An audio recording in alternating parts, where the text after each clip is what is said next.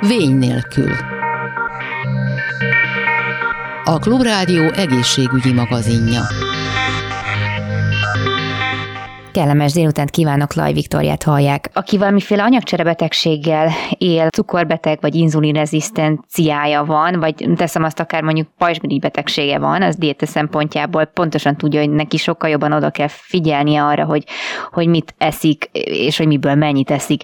Amit talán igazából a, itt az anyagcserebetegségeknél, hogy mondjam, egy közös pont lehet a diétában, hogy borzasztóan személyre szabottan történik ez az egész kialakítás, hogyha, hogyha jól, jól tudom.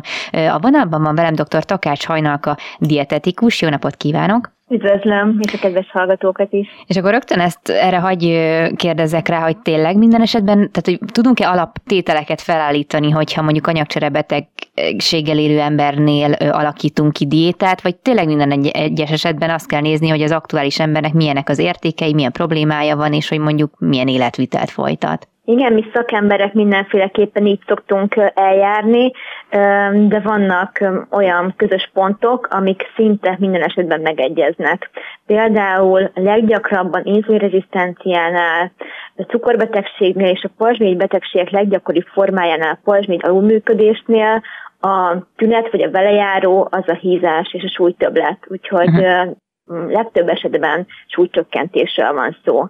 Amit én úgy tapasztalom, hogy az ötszöri, négy-ötszöri táplálkozás az, amit, ami elősegít. Sok esetben a háromszori étkezés az tovább lassítja az anyagcserét, és ezeknél a problémáknál fontos, hogy gyorsítsuk az anyagcserénket, uh-huh. kiváltképp a pajzsmiglaló működésnél, ami kifejezetten egy lassult anyagcserére utal, vagy hát ez, ezzel jár együtt. Ha nem bánja, akkor végigmehetnénk igazából az összesen, ha csak kezdhetnénk akár az inzulinrezisztenciával, még pedig azért, mert ezt ugye mondják a cukorbetegség előszobájának, és baromi sok embert érint, több százezer embert érint itt Magyarországon is. És ami a legnagyobb tévhit vele kapcsolatban, hogy ez inkább az elhízás vagy túlsúlyos embereket veszélyezteti, pedig hát egyáltalán nem feltétlenül, ha jól tudom.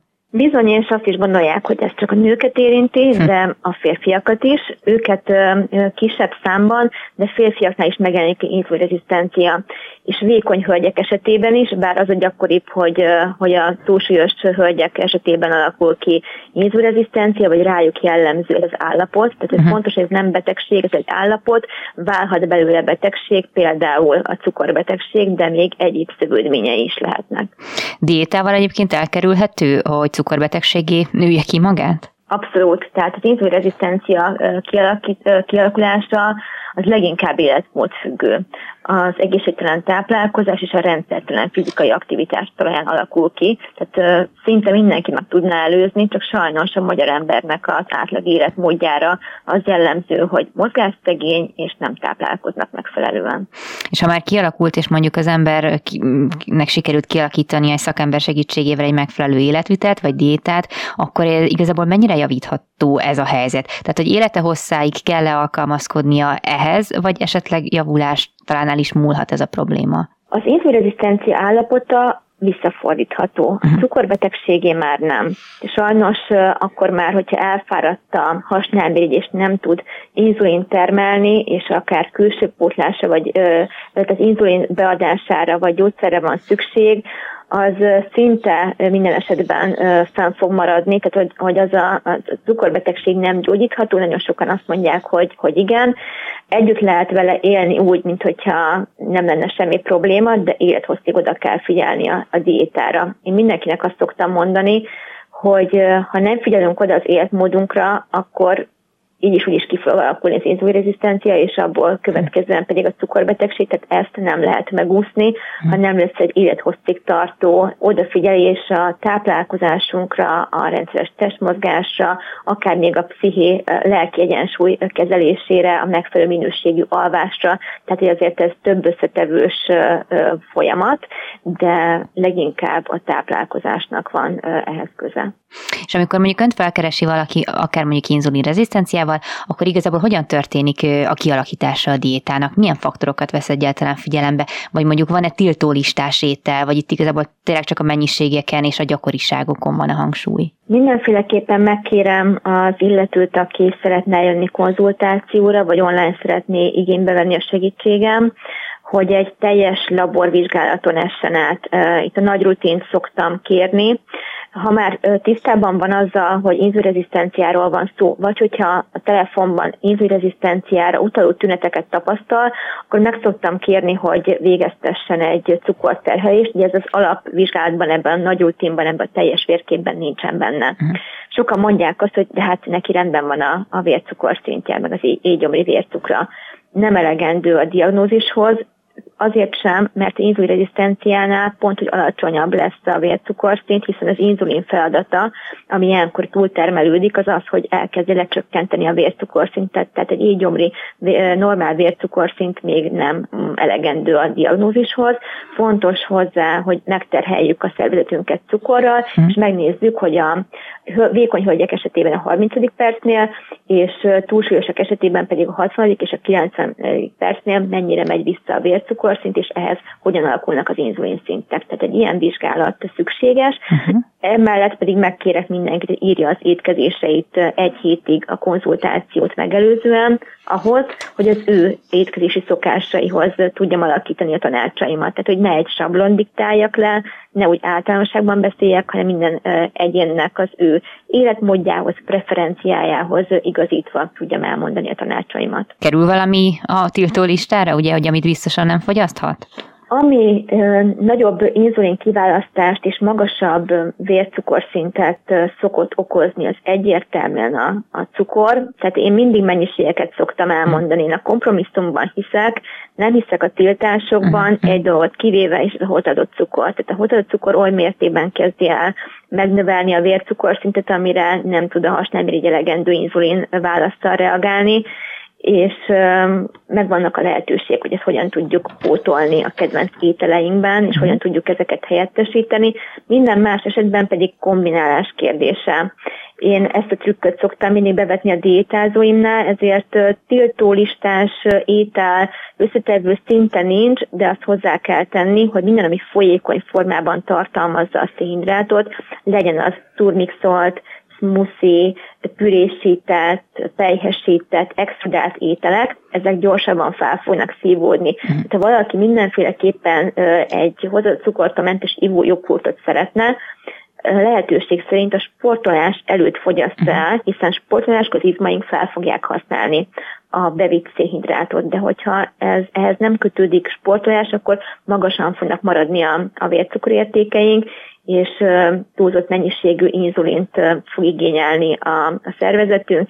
A túl nagy mennyiségű inzulin kiválasztásnak pedig az lesz a hátránya, hogy ő egy zsíraktározás fokozó hormonunk is nem csak azért felel, hogy levigye a vércukorszintünket, hanem sajnos a zsír, zsírépítésben is szerepe van. Ha minden igaz, akkor ugye egy normál, egészséges embernek a kalória bevitelét az 2000 kilokalóriára teszik. Én úgy tudom, hogy a inzulin rezisztenciánál ezt ilyen 1600-1700-ra szokták becsülni, vagy ezt rosszul tudom? Ez, ez viszont már egyére szabott, uh-huh. általános adatot akkor tudok mondani, hogyha fogyásról is beszélünk. A fogyókúrás energiatartomány hölgyek esetében 1200 és 1500 kalória közötti. Ez akkor lehet nagyobb mértékű, hogyha valakinek nem kell fogynia, akkor lehet nagyobb az energiabevitel, sőt, lehet akár 2000 kalória is, hogyha az az inzulinrezisztenciával küzdő hölgy, vagy akár cukorbetegségben szenvedő hölgy nagyon aktív életmódot él, vagy például sportoló, akkor nem kell megszorítani a kalóriabevitelt,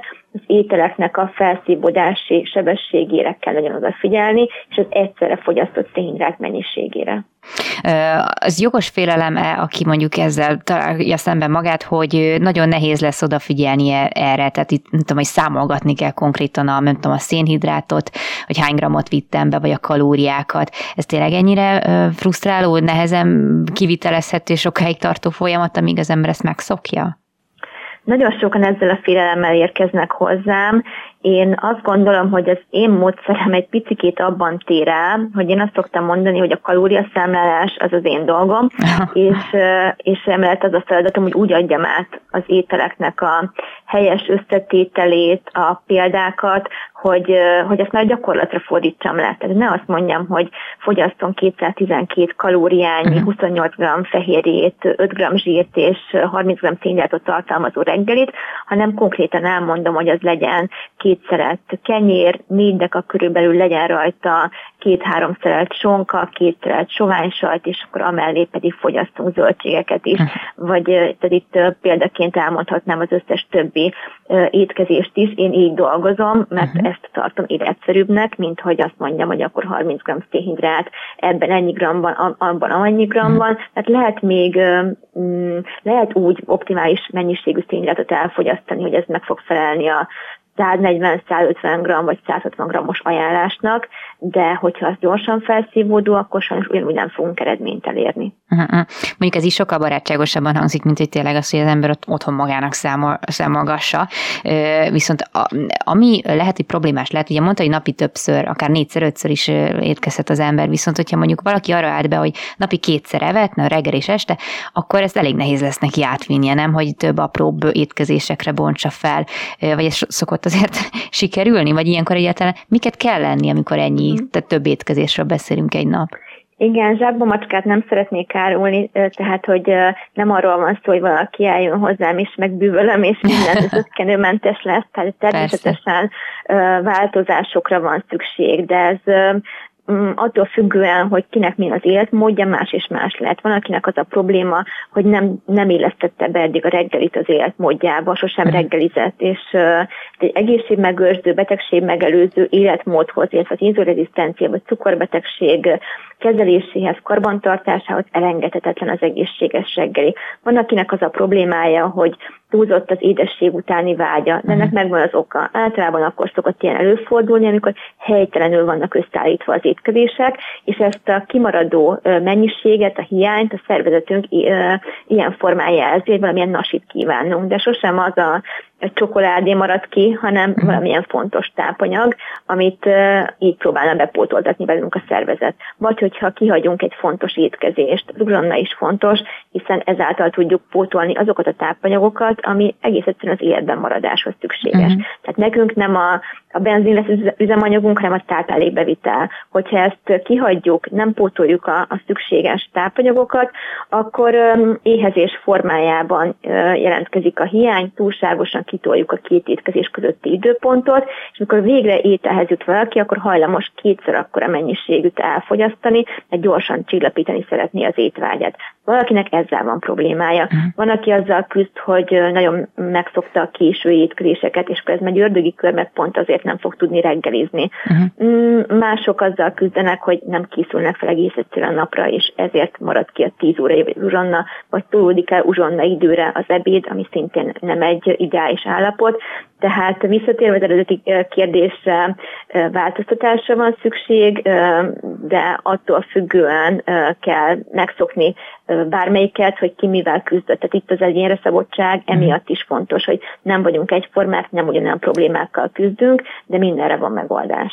Igen, gondolom egyébként, amit most elmondott, az egy, hogyha nem élek betegséggel, vagy anyagcsere állapottal, mondjuk így, akkor is egy követendő tanács volna, de hogyha mondjuk konkrét esetben megnézzük azt, hogy valaki cukorbeteg vagy inzulinrezisztens, akkor élettani szempontból miért fontos az, hogy ezeket a, a táplálékokat megkapja, vagy miért fontosabb, mint alapesetben? Ha nem, nem esszük meg a, a, például az egészséges segélyt, akkor már nap elején felborul a, az anyagcserén. Tehát nem fognak ö, ö, üzemanyagot kapni azok a szerveink, amik a, a szénhidrátot igénylik, amik azzal működnek. Hogyha nem követjük le pontosan a szervezetünk szükségleteit az szerint, hogy hány gram szénhidrátot igényel mondjuk a, az agyunk, az idegrendszerünk, az emésztésünk, akkor hipoglikémiás tüneteink uh-huh. lesznek, leesik a vércukorszintünk, teszünk, mert a szervezet felhasználta bizonyos részét a nyakcsere folyamatokhoz, és a következő töltésre lenne szükség, hogy tovább tudjunk működni. Viszont, hogyha leesik a vércukorszint, akkor szédülés következik be, el is ájulhatunk,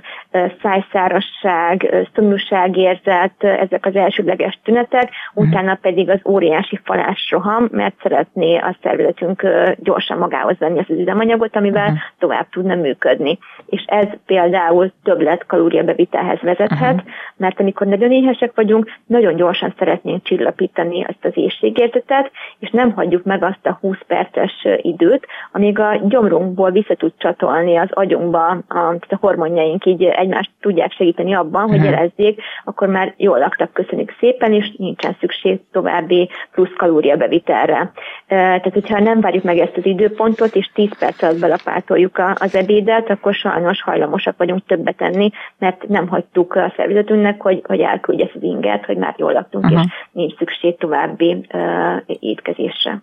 De tulajdonképpen az inzulinrezisztencia és a cukorbetegség diétája az hasonló, vagy elég, hogy mondjam, ugyanazokon az alapokon fekszik, ha jól Igen, és az egészséges táplálkozásnak a diétája is. Tehát Aha. ezért szüntették meg, hát lassan most már öt éve a diabetikus jelzőt először azt hiszem, hogy Németországban, aztán már hazánkban is, uh-huh. mert egy diabétesszel küzdő embernek nem más az étrendje, mint a normál embernek, csak az a probléma, hogy ma a normál embernek az életmódja az nem egyezik meg az egészséges egyénnek a, a táplálkozásával. Ugy, ugyanarra lenne szükség. A többszöri étkezésre, az elegendő mennyiségű zöldség, gyümölcsfogyasztásra, az értékes, teljes értékű gabonák bevitelére, amik nem engedik, hogy túl gyorsan emelkedjen meg a vércukorszint, a jó minőségű sovány fehérje forrásokra, amik számos szempontból szükségesek, az egészséges működéshez plusz szintén lassítják a szénhidrát felszívódásnak a sebességét, tehát mhm. igen,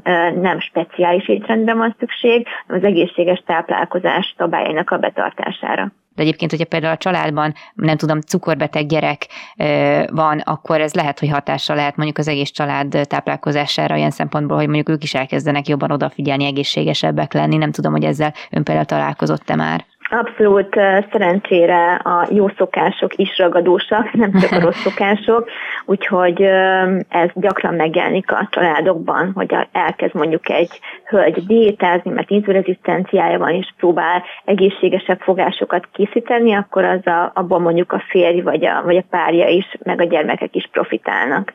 Van itt ugye még egy dolog, a pajzsmirigy alulműködést mondta. Én ebben mondjuk személyesen érintett voltam, de én diéta, tehát táplálkozási tanácsokat nem annyira kaptam, hogyha jól emlékszem, mind azért az elég régen volt, amikor kiderült ezzel kapcsolatban. Szóval egy picit meglepett, hogy itt is igazából, hogyha diétával tudnánk valamit tenni a, a pajzsmirigy betegségünknek a, az enyhítésében. Igazából hogyan, vagy milyen, milyen szerepe ennek? Valószínűleg azért nem kapott különösebb dietetikai tanácsot, mert itt az elsődleges az a, a hormonpótlás, uh-huh. illetve a pajzsmirigy betegség típusának a, uh-huh. a rendezése, és ez első körben orvosi kompetenciát igényel. A legtöbb esetben a pajzsmirigy alulműködés a gyakori, és a pajzsmirigy alulműködés egy csökkent anyagcserét jelent, és gyakorlatilag hasonló szokások kialakítására van szükség, mint például egy, egy fogynivágyónak a diétájánál, inzulrezisztenciával, cukorbetegséggel küzdőnek a, a diétájánál. De amiatt, hogy ez egy különösképpen lassultabb anyagcserével jár együtt, itt a mozgás fontosságát még mhm. inkább kiszoktam emelni. A táplálkozási vonatkozásban vannak bizonyos tanácsok, de például kiemelném, hogy vannak olyan növények, vagy vannak olyan zöldségek, amik úgynevezett goitrogének, ez azt jelenti, hogy a pajzsmirigy működését befolyásolni tudják. De mhm. például csak nyersen hőkezelve már elvesztik ezt a hatásukat. Azért nem szoktam nagyon kitérni arra, hogy étrendileg milyen specialitások vannak, mert olyan hűde nagy szélsőségek mm, nem tudunk belemenni, nem mhm. különbözik annyira az inzurezisztencia vagy a, vagy a fogyni vágyók diétájától. De esetleg a jódbevitelnek lehet fokozottabb szerepe? Jódbevitelnek akkor van fokozottabb szerepe, hogyha jódhiányról van szó, de például, hogyha ez a pajzsmégy működés, pajzsmégy betegség, olyan pajzsmégy betegség, ahol egy bizonyos tényező, ez az anti-TPO nevű paraméter, ez túl magas, mhm. ez általában pajzsmirigy betegségeknél szintén előfordul, az úgynevezett Hashimoto-nál, ott például tilos a, a jódpótlás, tehát azzal csak rosszabbat teszünk. Nagyon fontos elsődlegesen, hogy elmenjünk a szakorvoshoz, az endokrinológushoz, és diagnózissal jelentkezzünk a, a dietetikusnál, a szakembernél, mert ehhez tudja célzottan elmondani a tanácsokat. Egyébként mit szokott tapasztalni a, a saját ö, ö, munkája során? Milyen kérdésekkel keresik meg a legtöbbször, vagy akár konkrétan, hogyha tudna olyan kérdéseket említeni, amik most foglalkoztatják a, a, az érintetteket? A legtöbbször, legtöbben az inzulinrezisztencia tüneteivel kapcsolatban érdeklődtek, uh-huh. a legáltalánosabbak a sikertelen fogyás, amikor valaki már mindent megpróbál, de nagyon ragaszkodnak a kilók, akkor hajhullás, fáradtság, meddőség, túlsúly, hasi elhízás, menstruációs ciklus felborulása, patonásos bőr, szőrösödés, ezek mind ide tartoznak. Ekkor mindenféleképpen forduljunk orvoshoz. Dietetikushoz egyébként mikor elegendő fordulni? Tehát, hogy gondolom mindennek az alapja az szakorvosi látogatás, de van, amikor tényleg elég az, hogy mondjuk felkeresik önt, vagy valamelyik dietetikus kollégáját? Úgy gondolom, hogy ha már tüneteink vannak, akkor az első az orvos, Elsőként egy teljes laborvizsgálat. Azt megmutatni a házi orvosnak, és ő el tudja küldeni az adott szemét a szakorvoshoz. Akkor elég csak a, a dietetikus, amikor valaki csak az egészségi, jó egészségi állapotát szeretné megőrizni, és arra kíváncsi, hogy hogyan tudja a család életébe is bevinni az egészségesebb szokásokat, uh-huh. hogyan tudna úgy fűzni, hogy ez az egész családra érvényes legyen, megfelelő legyen, elegendő legyen, akkor elég csak a dietetikus. De hogyha valaki felelősségteljesen gondolkozik, pláne ha tünetei vannak, akkor, akkor a teljes vérképpel kezdi, amit évente legalább egyszer szükséges elvégeztetni, utána, ha bármi eltérés van, akkor a szakorvos, utána pedig a, a szakorvos pedig célzottan el fogja küldeni dietetikushoz az illetőt. De egyébként ilyen is van, aki csak az egészsége miatt aggódik, hogy ezt szeretné javítani, mert azért említette, hogy a legtöbben mégiscsak akkor, tehát hogy tünetekkel jelentkeznek, vagy ezzel kapcsolatban érdeklődnek. De azért remélem olyan is van, aki csak szeretne jobban élni. Igen, nagyon kevés esetben, és mindig elmondom, hogy annyira büszke vagyok rájuk, hogy tanácsért fordulnak a szakemberhez, és szakemberhez fordulnak, és nem a, az internetről próbálják ellesni a különböző információkat, félreértés ne essék, számos nagyon hasznos információ van az interneten, de nagyon sokszor tévútra viszi a, az embereket. Tehát vannak, aki így keres fel, de ez a, ez a kisebb százalék, ez a primer prevenció, az elsődleges megelőzés, amikor még nincsen semmi gond, de azt szeretnénk elérni, ne is legyen. Mm. És hát sajnos ebben nem, nem képviselünk vezető szerepet vagy helyet, bár ebben lennénk elsők például az Európai Unióban, de hát sajnos az elhízásban vagyunk azok. Hát nagyon szépen köszönöm dr. Takács Hajnalak a dietetikusnak a beszélgetést, és akkor remélem, hogy pár embert meggyőztünk arról, hogy még előtte menjen, ne, ne tünetekkel, hanem hogy csak szeretne egy picit jobban élni szakemberhez. Köszönöm szépen. Én is bízom ebben, és jó egészséget kívánok mindenkinek, és nagyon köszönöm a beszélgetést. Ezzel pedig a műsor végéhez értünk. Köszönöm a figyelmüket, további kellemes rádióhallgatást kívánok. Laj Viktoriát hallották, viszont hallásra. a Vény nélkül című műsorunkat hallották.